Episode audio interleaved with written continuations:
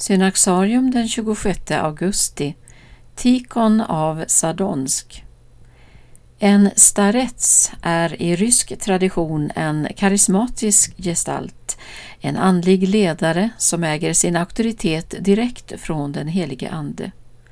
Ingen blir utnämnd eller vigd till starets. Genom sin förtrogenhet med livet i Gud igenkänns han av folket som en äldste. I de flesta fall står staretserna vid sidan om kyrkans ämbeten, även om det ibland kan hända att de också återfinns bland biskoparna. Så var fallet med Tikon av Sadonsk, som efter sin död år 1783 kom att bli ett av det moderna Rysslands mest älskade helgon. Det gällde inte minst bland de fattiga och marginaliserade, vars försvarare han var.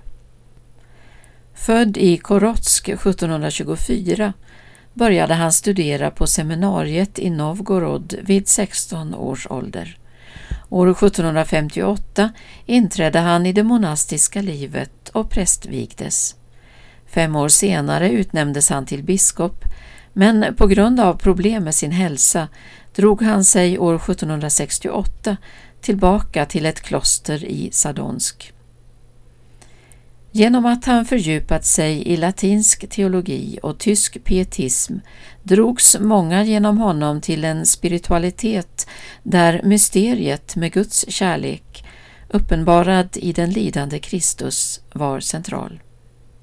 Tikons meditationer över korsets mysterium blev för honom själv en väg att möta egna tillkortakommanden, särskilt modlöshet och irritation. Det lärde honom mildhet och öppenhet mot samhällets fattiga och utstötta. Han kom därför, i synnerhet bland de fattiga, att betraktas som en sann starets. Tikon var en av dem som inspirerade Dostojevskij när denne porträtterade starets Sosima i romanen Bröderna Karamazov.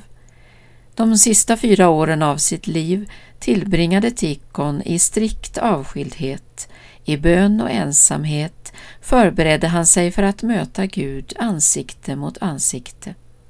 Han dog i sitt kloster den 26 augusti 1783.